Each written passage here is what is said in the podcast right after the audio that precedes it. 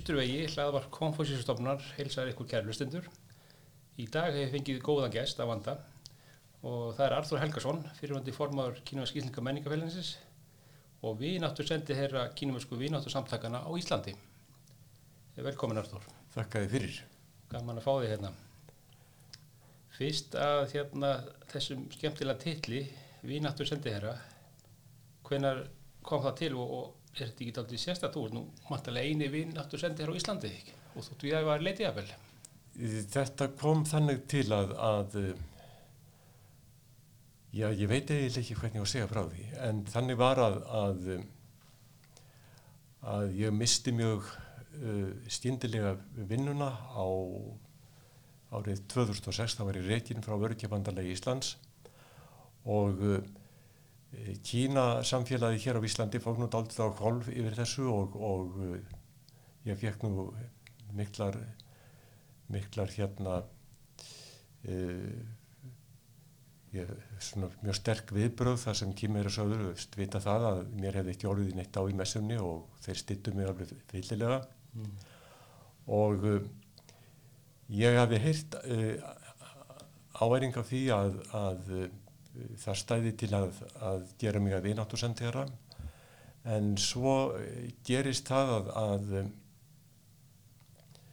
að þá um vorið 2006 að þá var haft samband við Kímersk Íslenska menningafélagið og, og ég spurður af því hvort við gætum uh, tekið á móti þryggjamanna sendinemnd og uh, það var alveg sjálfsagt að gera það og, og við fengum þessa sendinemnd í heimsókn og vorum með, með annars í, í bláa lónið Þar var með tólkur sem hafði nú oft verið tólkur minn í, í Kína og, og mikil vinkona mín.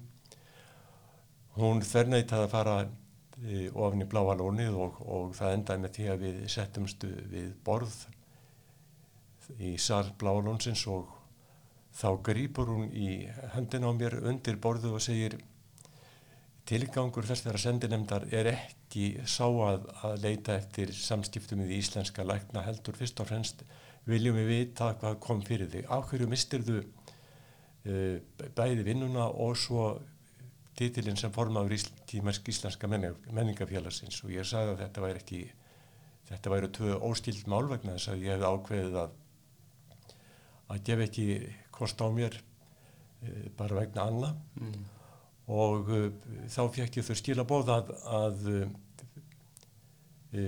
formaður kímersku vináttu sen, hérna samtakana Chen Hao Su hefði ákveðið að, að senda þessa nefndi til þess að kanna stöðuna og hann vildi að við vissum að að þyrtu með að aðstóða að halda að þá væri hægt að leita til þeirra á því að ég væri sem sagt einn af eldstu vinum Kína eins og hann orðaði það og hann teldi mig sérstakkan vinn sín. Síðan liðu tvö ár þá frétti ég það að það hefði verið samþygt að, að veita mér þessa stöðu vinnáttursendiðara og uh, svo aðtöfn fór fram svo uh, sumari 2009. Ég held, ég held með að þú hafi verið viðstatur. Já, gott ef ekki var reynd og mér þótti mjög vænt um hennar titin mér eiginlega, það eiginlega var lágið að ég væri gráta þegar, þegar þessi, þessi kona bar mér þessi fallegu skilabóð Já, það er mitt þetta er náttúrulega einstaklega en, það er þú á eini á Íslandi ekki sem hefur hlutið en heiður? Já, ég, ég held að ég sé fyrsti sko vinnáttu sendi herran á Norðurlöndum. Nei mitt og uh, upp að að þessu var vist 1900 98 þá var eh, dáltill görugangur á milli mín og þá verðandi kímersk sendi herra og, og það endaði með því að, að eh, þá var skilst mér ákveðið að stefna því að, að ég feindi þennan títil. Já, einmitt. Einmitt enda hérna á það vel við eftir, eftir langt og, og gjöföld starf í því að tengja saman löndin. En svona, eh, við byrjunum, kannski byrjunni hérna þín fyrst við kynna Kína, hvað, hérna, hvað, hvernig eru þau og hvað var til þess að þú fórst að beina aðteglina þessu stóra landi í, í austri? Það var náttúrulega eh, KHM og KI Vestmanniðum að þar var alltaf verið að lesa sögur um, um hetjulega, hetjulega aðstóð og, og bardaga gegn Japanum. Já, Svo komst ég nú reyndar af því að, að flestir sem komið þarna við stö- sögu, voru Kuomintang, ekki kommunistaflokkurinn einmitt. og uh, svo var það 1966 að Stefán Jónsson, fréttamaður, fór til Kína á samt Sigurði Róbertsinni og uh, eftir því sem ég best veit að þá var það nú Dr. Jakob Bendisson sem kom því í kring og uh, Stefán var þá um steið eini norræni fréttarítarinn í Kína og, og, og uh, sendi hinga til hans alveg makalösa pistla um það sem var að gerast í menningabildingunni og þetta var til þess að ég varð alveg stór hrifin og þegar Stefán kom hinga til hans þá, þá senda hann mér uh, bildingartónlist í kímerska en hann var fjölskylduvinur. Og um, ég var óskaplega hrifin af, af öllu því sem, sem hann sagði um Má Vormann og fór að vitna í hann sjálfur og, og var með svo hérna, rosalega yfirlýsingar að föður mínum þótti stundum aldjóðlega nóg um. Já, og uh, við uh, hérna vorum kunningjar nokkur í Vestmanniðum sem ortum vísur, vísur um Má og, og hérna vorum bara hinnir glaðbeittustu. Nú síðan eh, 1967 að þá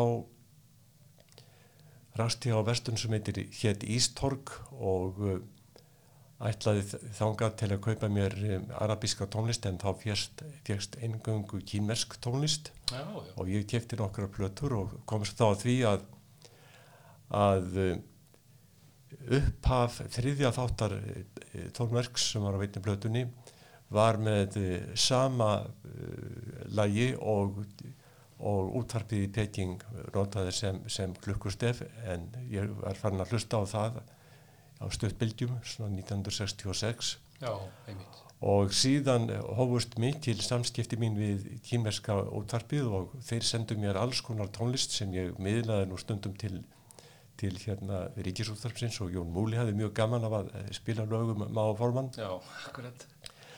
og uh, þegar Eyjapistil tók til starfa sem var þáttur í, uh, sem, sagt, sem uh, stulaði að því að tengja vestmanneyingar saman að, þá uh, eins og þú kannski veist urðu kýmverjar fyrstir ellendra þjóða til þess að veita Íslandingum þróunar aðstóð eða hjálpar aðstóð á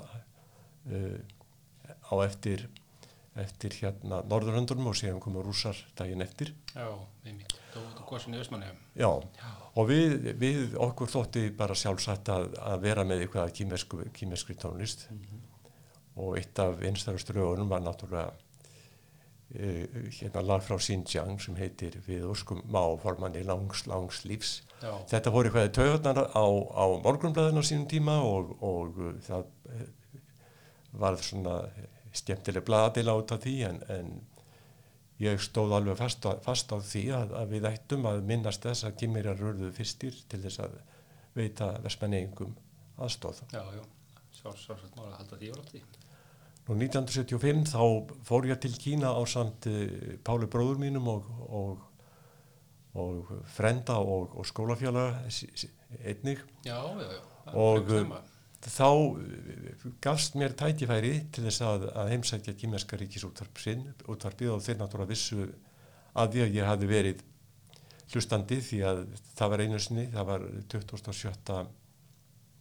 Uh, desember 1972 að þá var útvarpað sérstökum þætti um þetta fyrirbæri uh, Artur Helgason og, og leikinn hans uppáhaldslög mér fannst að svona, því að þetta, þetta svona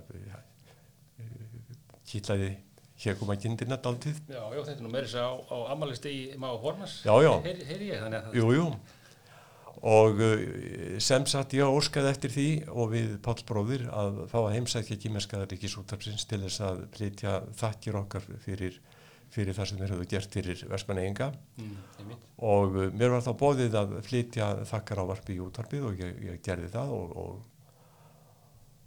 og uh, svo ferð var nú öll hinn hin ánægulegast á og margt sem kom okkur óvart einmitt. Þetta hefur myndi verið frekar snemma hann 75, það er nú ekki verið mikið útlendingum þá og verði í Kína.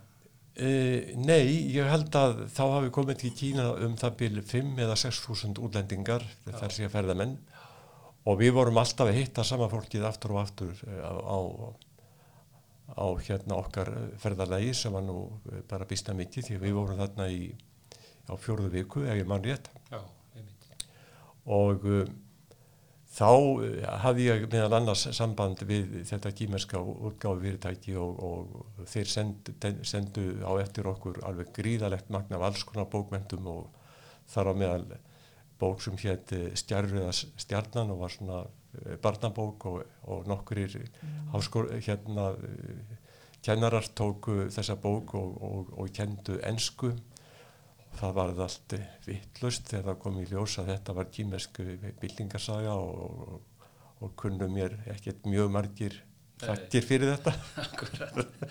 Þú hefur svona verið að lauma þessu inn í hérna. Já, ég, ég gerði það og, og sannleikurinn var sá að ég var aldjörlega komin á kaf í þetta, í, í, í þessi kínamála þessum tíma. Já. 1968 þá hafði ég samband við Dr. Jakob Bendisson og orskaði eftir að, að ganga í kýmest-íslenska menningafélagið og í, í, það gekk eftir. 1969 var ég komið með svo mikið af efni í, í hendurnar að ég hindi aftur Jakob og sagði honum að ég hefði mikið áhuga á því að, að efna til fundar í kýmest-íslenska menningafélaginu og, og kynna eitthvað af byllingar tónlist fyrir félagsmannum því að ég væri með mikið efni og hann saði að uh, hann væri upptekinn í að ljúka við uh, doktorsitjað og hann bara gæti ekki sinn þessu Hey. en, en sem sagt að ég var yfir með kólan og, og ég til dæmis sem ég var bóðið ykkur í, í, húsa þá, þá tók ég alltaf hljómblötuna Östurið er rautt með mér og, og gaf mönnum í stað blómvanda Já, já, já, það er ekki- slangjöf. alls ekki, en það var þetta lag svo mikil hluti af lífi mínu að þegar við Elín Árnardóttir eiginkona mín giftumst Já, 1989 að þá var þetta lag leikið sem útgöngu vers eða útgöngu mars. Það er á vel við. já já, end, enda lagið gamall ástarsöngur. Já, já, það er þannig. Þú ert að sé nú svona ákveðin hérna lo, lo, eða lof á, á maður forman eða þetta var náttúrulega fyrst og fremst það sem ég hugsaði Já, já, akkurat. en aftur á móti lagið kom fram í kringum 1938 og, og síðan var samið kvæðum um á formann Já, einmitt. Þannig að það er, það setna, setna tíma. það er setni tíma Einmitt. bót Eh, einmitt. Þannig að þú hefur fyrst komið þannig til Kína 75 segir og svo, svo nokkur sinnum eftir það eða nokkur, nokkur mörg skipti. Já, ég held ég hafi farið innar 12-13 ferði til Kína og, og yfirleitt sko, hef ég átt einhver tilgang Já, og uh, það er kannski rétt að geta þess að uh, að uh, ég var formaður Kímersk Íslenska menningafélagsins 1977, hafði verið í stjórn frá 1974 já, og uh, var formaður með tveimur hljöfum uh, fram til ársins uh, 2017 að mér fannst eiginlega nóg komið og, og sagði að mér. já.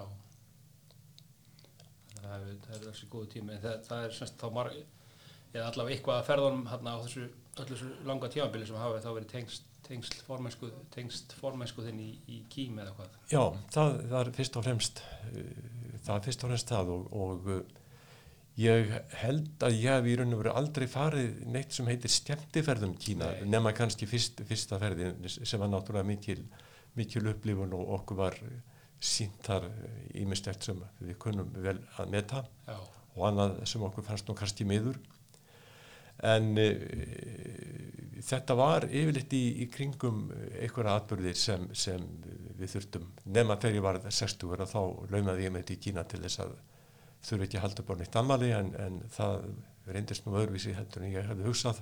Já, og uh, okkur var þar uh, fyrna vel tekið. Já, já, Þar átti ég meðal annars uh, fund með kýmenska mentamálaráðunitinu, já, neða, það var nú að vísu að, í annars skipti, en það skiptir ekki máli.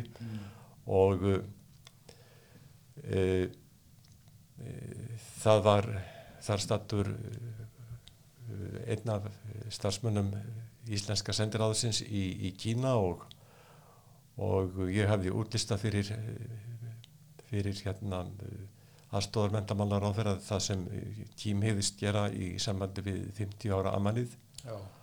Og 50 ára amalið þá stjórnmálarsamskipta Nei, 50 ára amalið Kím Já, Kím, já, já akkurat, Því einmitt. Kím var, var stopnað 1953 Já, akkurat. Og uh, þegar ég og- lauk hérna máli mínu og þá tók nú eh, tók nú hérna uh, starfsmæður íslenska sendiráðsinn til, til, til máls og, og greiti frá því hvað þeir hefðu verið duglegir í sínu svari. Já, og og uh, mér fannst þetta nú eitthvað ekki alveg nógu gott þannig að ég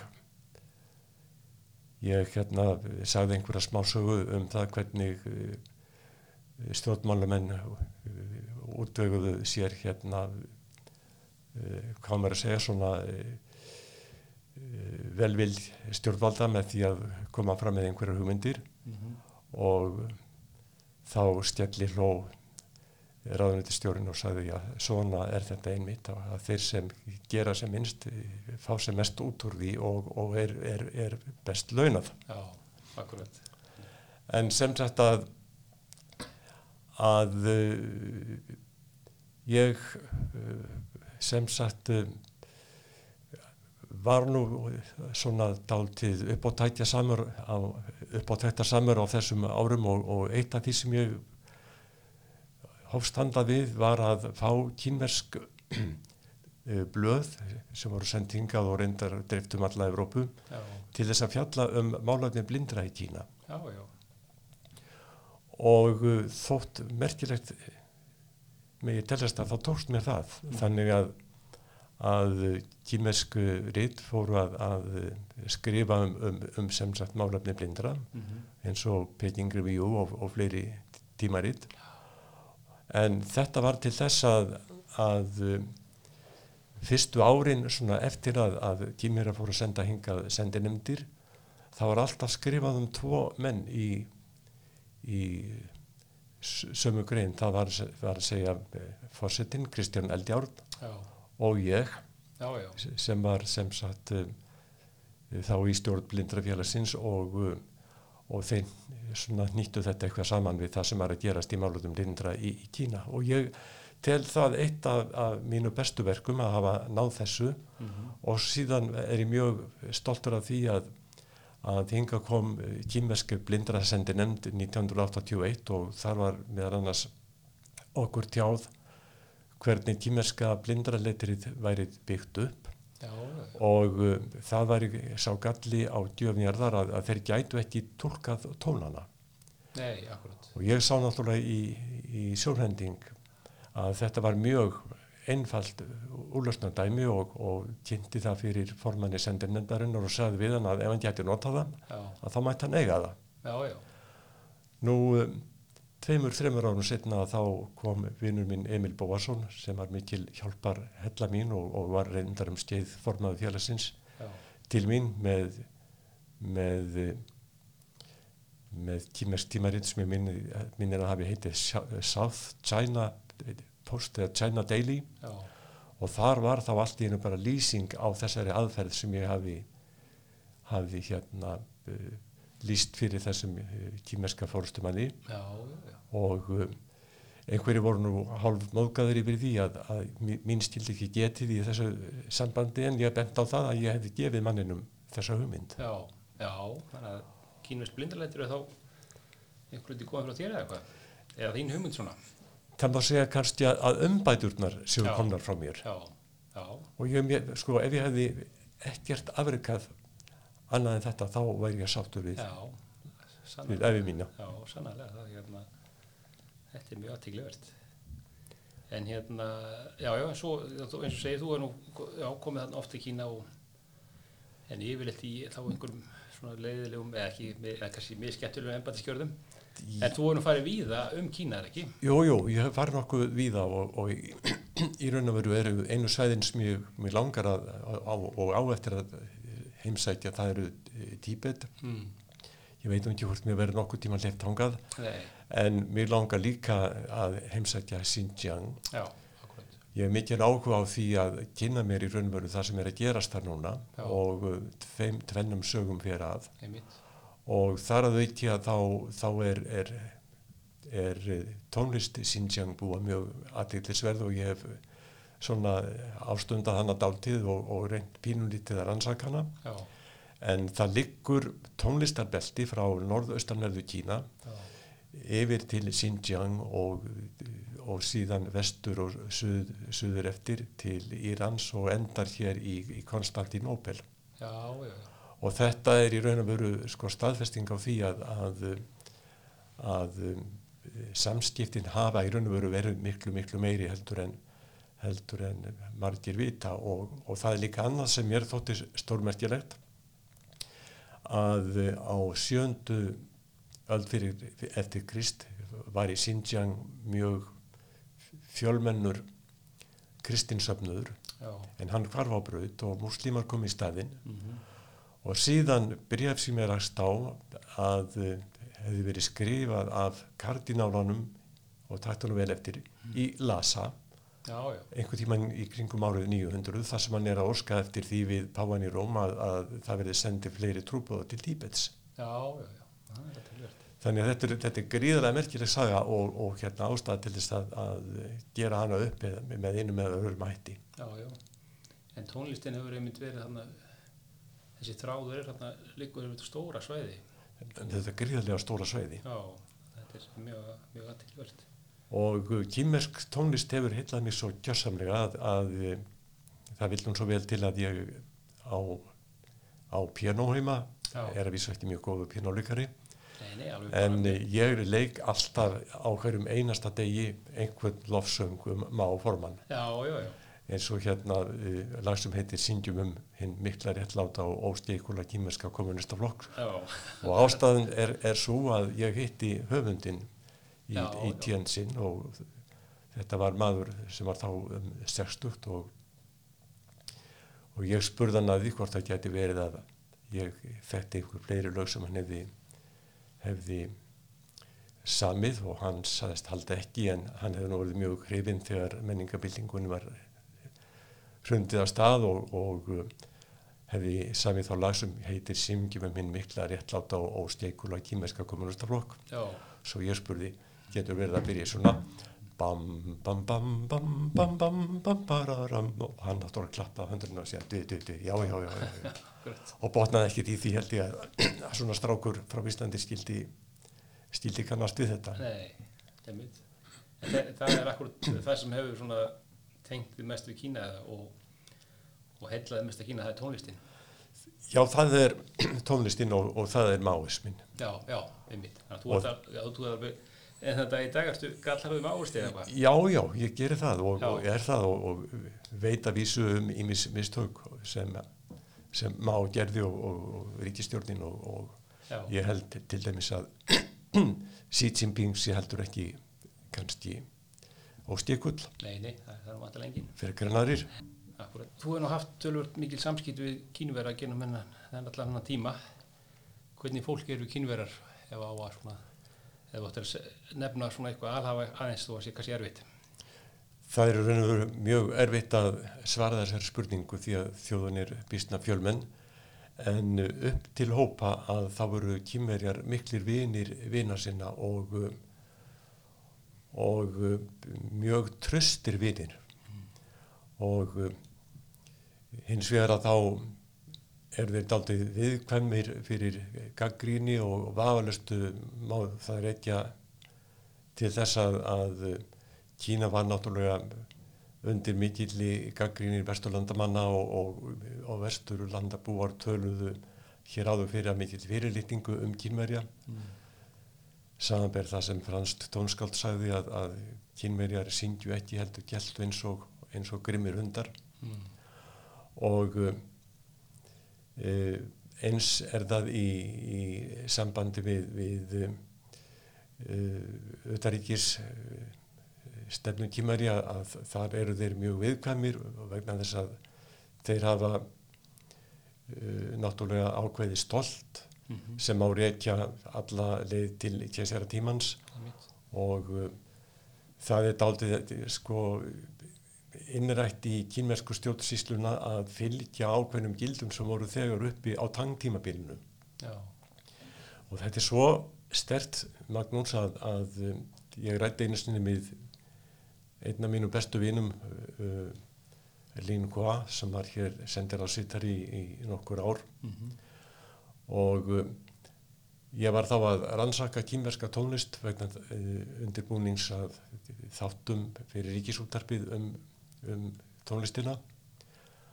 Og ég sagði við hann að mér finnist svo margt uh, líkt með kýmversku uh, stjórnkerfi í dag og á tangtímabílunum Já.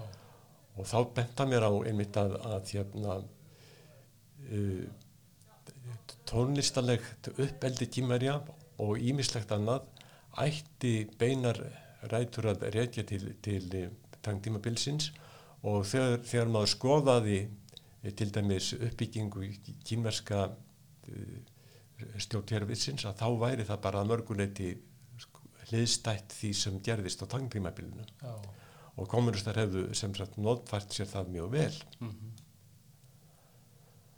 Þannig að hérna, já, já, þeir eru, þetta er lungsaga og það er margt sem þeir hafa tekið úr, úr, úr hérna, bókorni sögunar svona í um tíðina sem nýta en þetta í dag.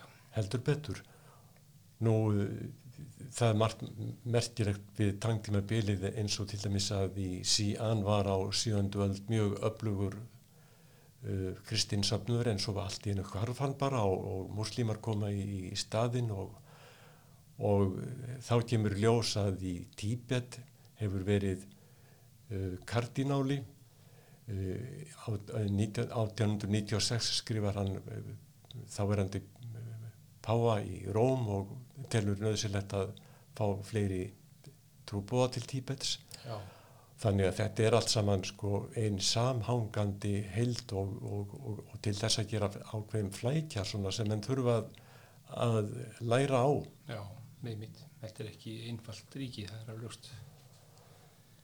Um, en uh, svo kannski vendum okkar kvæði í kross og fjöllum kannski aðeins um kínversk íslenska menningafélagið. E, það er nú félagskapur sem að þú átt sannarlega átt þinn þátt í að, að hérna, móta undarfærin ára tugi en e, þetta er nú mörguleiti stórmerkileg félagskapur e, því að þetta er eitt af fyrstum vináttu félögum eða, eða menningar, já, vináttu félögum e, á Vesturlöndum. Það er sagt að þetta sé sennilega elsta starfandi vináttufélag við Kína núna því Já. að við vörðum ekki menningarbyltingunni að bráð eins og ég skal koma að síðar meir. Já, Eh, Kýmersk-íslenska menningafélagið eh, varð þannig til að, að eh, í, í árið 1950 þá fór að berast hingað dímaritt Esperanto samtakana í Kína. Já, og menn reyndu þá að komast í sambandi við Esperanto samtökin en það tókst ekki. En eh, Jakob Bendirsson uh, sem var lengi fórstöðumadur orðabókar, orðabókar Háskóla Íslands að hann átti, var mjög, hún var mjög tíðförul til Kaupanahafnar og hafði þá samband við kýmerska sendiráðið og uh, í gegnum það að þá fór sendinemnd til Kína hérna 1953, 53, já, og uh, 1952 var það, nei þrjú og uh, þeir voru þar í einar sex vikur og, og uh, komu svo hinga til lands náttúrulega fullir af fróðleik og, og uh, uh, 1950 og þrjú var hald, haldin heilmikil listsýning Já, í listamannaskálanum á kýmerskum hlutum og, og þá um höstið var kýmersk-íslenska menningafélagið stopnað. já, já, Nú félagið fekk strax á eftir, árið á eftir eh, heimsókn kýmerskra eh, listamanna frá, frá Peking-óperunni já, og uh, þá var eh, engin annar heldur en Ólafur Kristnibóði beðin að, að uh, tólka já, já, já, og uh, kýmverðinni voru svo hrifnir af hans, eh, hans hérna, kynversku og þeir sögðu að það veri verið sér hægt að skinja það hvaða málisku hann talaði. Já, já, akkurat.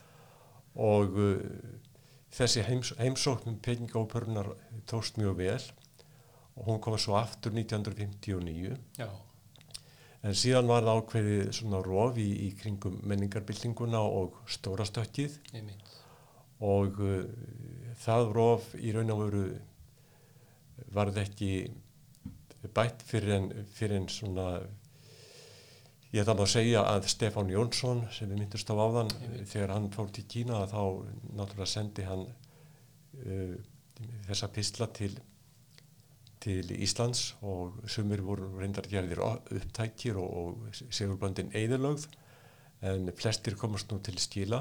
Já, og uh, það var einmitt eftir að Stefán kom til, til Íslands að ég heyriði mjög skemmtilega auglýsingu í útvarpið útvarpinu. Mm.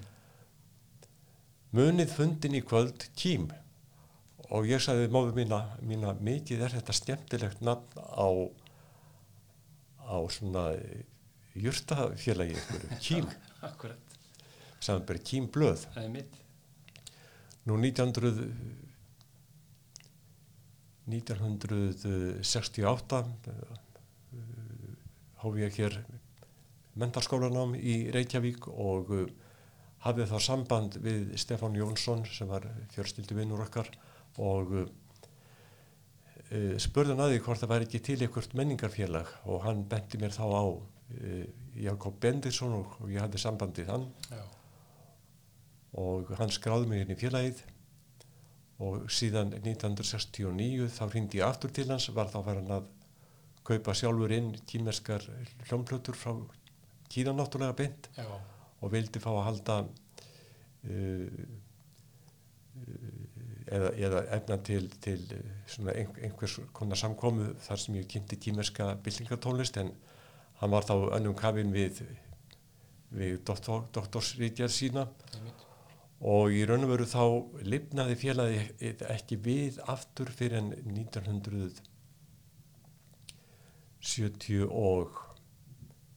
1973 rétt eftir að, að, að hérna, stjórnmálasamband fyrir tekið upp. Já, en þá hafði það gerst reyndar að þá árið áður hafðu þau Kristján, hérna, Kristbjörn Kjell og Guðmundur Steinsson farið til Kína Já, og verið þar sem ferðamenn en það kom í ljós að þau voru þar þá í, í bóði vináttursamtakana og það var einmitt Jakob sem, sem sáum það. Já, og uh, uh, félagið var sem sagt það var kjörin ný stjórn þess 1974 og ég var nú að vísu ekki viðstattur þann aðalfund en ég var kjörin í stjórnina því að ég hafi óskað eftir því. Já, Svo var það nú Hattarbylling 1975 þannig að Jakobi var styrt af stóli en, en mér tókst að koma í veg fyrir það að hann er því gerður algjörlega brottrækur því að ég fór fram á það við hann að hann eh, tæti að sér að vera varaformaður.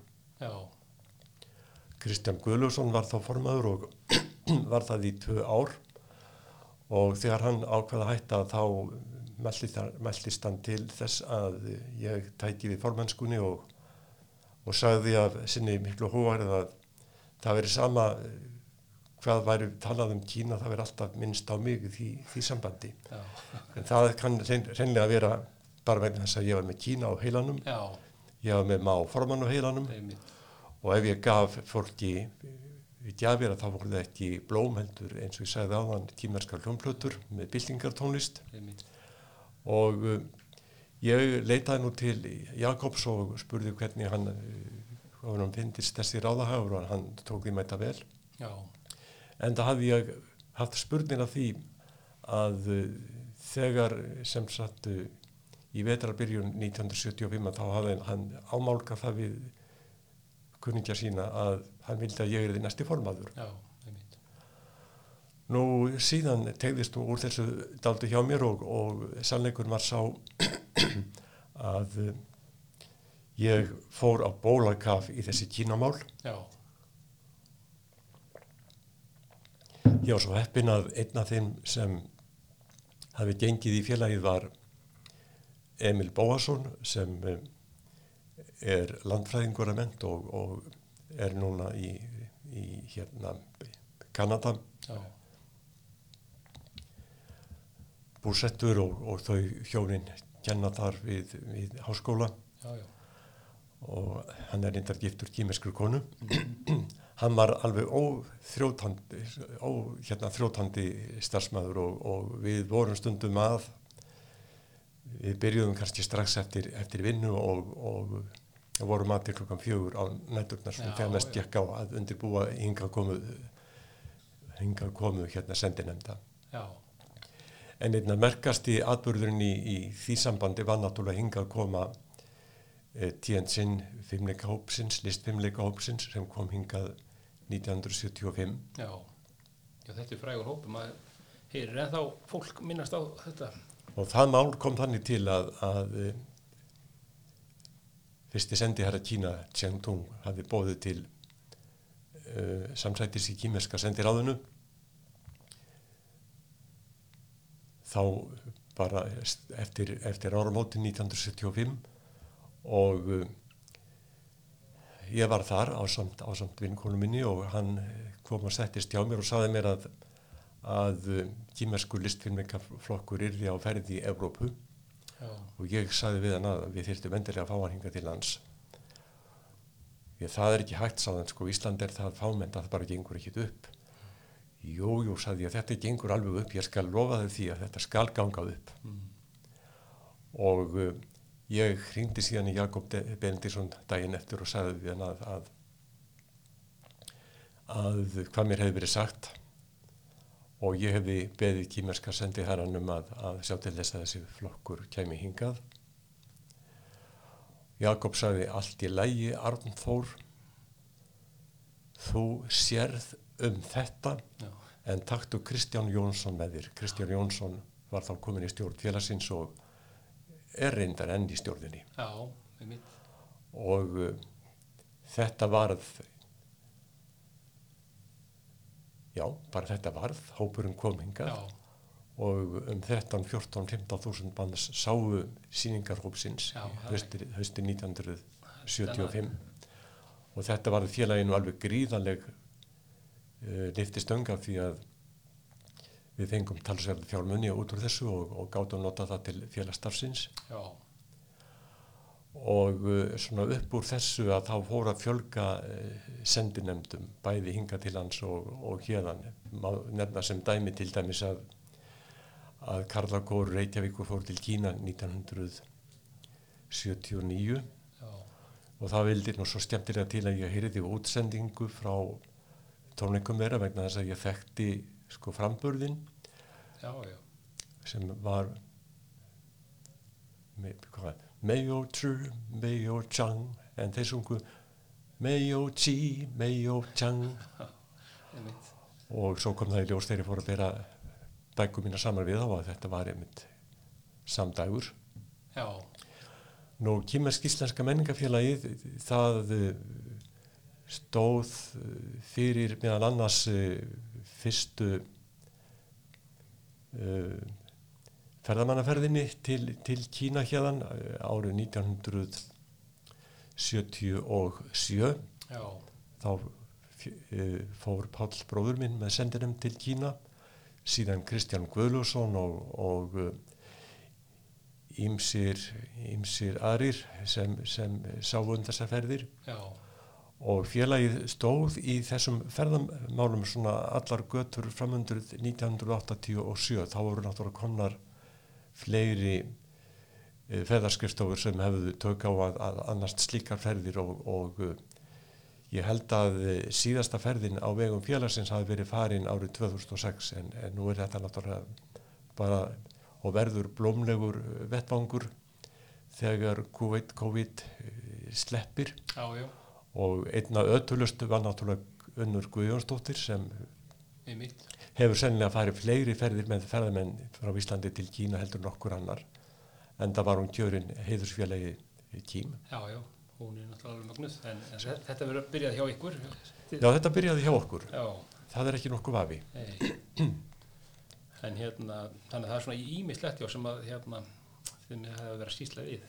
Og, hérna, en, en mest náttúrulega þessi menningar samskipti og þá, þá hérna hópar menningar hópar að fara á milli landana. Jú, og uh, ég vil samt sem áður geta þess að Emil Bóvason var nú og er býstna hugmyndaríkur Já, og uh, við vorum náttúrulega bara eins og samlokur þarna á, á, á 9., 8. og 9. áratögnum og eitt af því sem við tókum okkur fyrir hendur var að skoða stofnun ellendra sendiráða í Kína og það var að vísu búið að stofna uh, stjórnmálasambandi hér en það var ekkert sendiráð í Kína. Nei, og við vorum með nokkuð vel grundaðar hugmyndur um stopnun uh, uh, skrifstofu uh, sem stildi reyna að, að sagt koma íslenskum vörum á framfæri og, og, og öfugt. Já, og þessar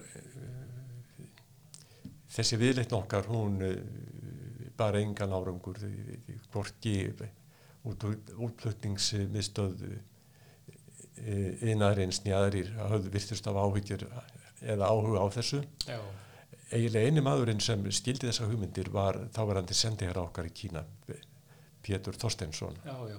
Það styr kaupmæður með eitthvað. Nei, Eh, hann, Nei, hann var hérna á Íslandi eitthvað. já, hann var, hann var farand sendiherra Já, já, það akkúrat. kom í ljós að Íslandinga töldu sig ekki hafa efni á að, að vera með sendiherra allt árið svo að hann fór svona einu sinni tvísvar á árið til Kína svona til þess að Einmitt, annars tími sérindi já, og í, um þetta verður meðal annars fjallað í mjög merkilegri bók sem verið er að skrifa núna um, um uh, samskiptasögu Íslands og Kína í tilefni þess að í ár verða 50 ár liðin frá því að tekið var upp stjórnmálasamband. Mhm, einmitt, og ég gleymi aldrei þeim degi sem útvarpið þegar útvarpið sagði frá því að uh, samþýtt hefði verið að taka upp stjórnmálasamband við Kína. Nei, því að næstum því hver einasti maður sem ég hitti og ekki bara þeir heldur ímsir aðrir þeir, þeir brostu og, og, og helsuðu og fóru að tala um þetta mál og, og uh, eigin kona eh, Björn Sigfússonar uh, háskólavarðar uh, bókavarðar, háskóla bókavarðar hún kom í heimsókn til mín. Var að hjálpa okkur þá í samband við nám skrifaði fyrir mig meðal annars bækur á blindra letur já, og hún saði við mig að það verið svo skrítið eftir þessa frétta þá hitt hún eiginlega engan á götu daginn áður heldur en að hann væri brosandi. Já, og þetta, ég held að þetta hafi verið mjög farsæl endir á, á þessu leiðinda fyrir kominlagi þegar Íslendingar voru í raun og veru bara að hlaupa að ykkur bandarækjana svo ég veitni beint í, í eitt af áörpum Más. já, já, já, en það voru við náttúrulega lang síðust á Norrlandu þjóðunum. Já, já, Dæmis, við vorum það. það er stjórnum samskipt, þannig það er náttúrulega, þetta er svona daldið sérstök saga þarna. Mjög sérstök. Já, en, uh, en svo hefði, já, með uh, eitt af, uh, í einum á, á listahópnum sem kom frá Kína var núvarandi fórseta frú, er það ekki rétt? Jú, jú, hún, kom hingað 1980 á samt hljómsið frá, frá Tjensin Já, og uh, uh, söng meðal annars uh, fugglinn í fjörunni já, já, og hún er gert, gert það vel. Það gekk bara vel, já. Já, Uh, það má, það dátti gaman að segja frá því að, að, að uh, kýmerska sendiráðið ringdi til mín og sagði að það þyrfti að kynna þessari konu þetta lag betur já, og uh, hvort ég gæti fengið tónskáld til að gera það. já, Ég sagði, skildu gera það sjálfur. Nei, þú ert ekki tónskáld. Við þurfum tónskáld til þess að kenna þetta. Og uh, allir heimir, það var mikil góður vinnu minn og ég fekk hann til að til að kenna henni svona betur um betta lagið svolítið. já, Hann hafði líka hjálpað annari söngkonu sem heitir Rebia Mohamed mhm, og uh, kendi henni að syngja þetta sama lag. Já, og uh, ástæðan fyrir því að það var sungið var, var svo að Jón Áskjarsson sagði að ef það ætti að kenna kýmverum að syngja eitthvað að þá væru það uh, lög við hvæði Þorsteins Ellingssonar sem hefði verið mikill uh, vinstri maður. Já, það, það passaði vel Já, já. Og þetta gekk bara lögandi vel og, og við gáðum út uh, hluta af þessum tónleikum sem, hún, sem fórsetafrúin Já. uh, var á og, og hérna þessi plata er ennþá til í, í geimslum hérna hjá mér Já, já, já. ef einhvern langar í hana. Þetta getur verið alveg dýrgripur. Hún er það. Er. En í kringum þetta menningarstarf starf allt saman að þá verður að geta þess að uh, fljótlega á nýjunda áratögnum að þá fóru íslenskir uh, sérfræðingar uh, að fara til Kína og uh, reyndar hafði það verið, verið fyrir því að, því að hérna á sviði orkumála var náttúrulega voru, voru uh, tengslafinn þegar á áttunda áratögnum Já, og uh, það er hérna uh, þá hafa ímsir Íslendingar lagt uh, lóða á vogaskáladar til þess að aðstóða kýmerja í, í sambandi við nútíma tónlist og þar má meðal annars nefna Þorkjell Sigurbjörnsson og fleiri. Já, og uh, ég vil halda því fram að, að, að menningarlegt samstarf uh, þjóðana sé mjög mjög gott og ákjósanlegt og, og vonandi hafa báðar þjóðir lært hór af annari. mhm. já, já. Og þetta er náttúrulega áður en að Ísland opna sitt sendir á því í Peking 95 að þá er svo sem kannski hei- megin drifkrafturinn í þessum menningarsamskiptum trúlega gegnum kým, ekki? Jú, ég get vel trúa því sko, Já. því að Kím til dæmis eh, sá til þess að, að efna til fyrstu uh, uh, hérna málverkarsýningarinnar í Kína, það var held ég 1993 Já, og uh, við vitum að vísu ekki hversu mikla aðtekli svo uh, síning fekk en aftur á móti verður að segja eins og er að, að, að fyrstu sendiherrarnir voru náttúrulega sko mjög mikið vægir þeir sem settur stað í landinu bæði Ólafur Egilson og, og uh, Hjálmar Hannesson. já. Þetta eru, þetta eru alveg öndvegismenn sem, sem kunna vel til verka, Já, já, við vorum sannlega heppin þar Íslandingar heldur betur. fá, fá þá þarna til, til að hefja þetta starf. E, Ljómati, tíminn flýgur nú frá okkur, þannig að ég heldur verðum að láta þetta duga í bili, en ég þarf nú endilega að fá því aftur Artúri til að spjalla meira um Kína. En takk fyrir í dag allavega. Já, þakka þið fyrir og ég ætla að segja eins og ég segi stundum við vini mína þegar mér þykir afskapla væntum þá lengi lifi hugsun Máðsformans. Takk fyrir það.